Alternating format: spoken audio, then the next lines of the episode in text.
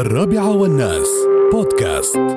هني يقول يا طويل العمر آه، تحت شعار معا في البيت. أطلقت اتصالات مجموعة من المبادرات المميزة لدعم التعليم والعمل من المنزل حيث أعلنت عن ترقية عملاء ال eLife إلى باقات eLife Unlimited بسرعات تبدأ من 250 Mbps مع تحملها الرسوم الشهرية لمدة مع تحملها اسمعوا المدة مع تحملها الرسوم الشهرية لمدة ثلاثة أشهر كما أعلنت عن إتاحة أربعة تطبيقات الاتصال اللامحدود عبر الإنترنت على الهاتف المتحرك وخمسة تطبيقات على الإنترنت المنزلي لتمكين العمل والدراسة من المنزل.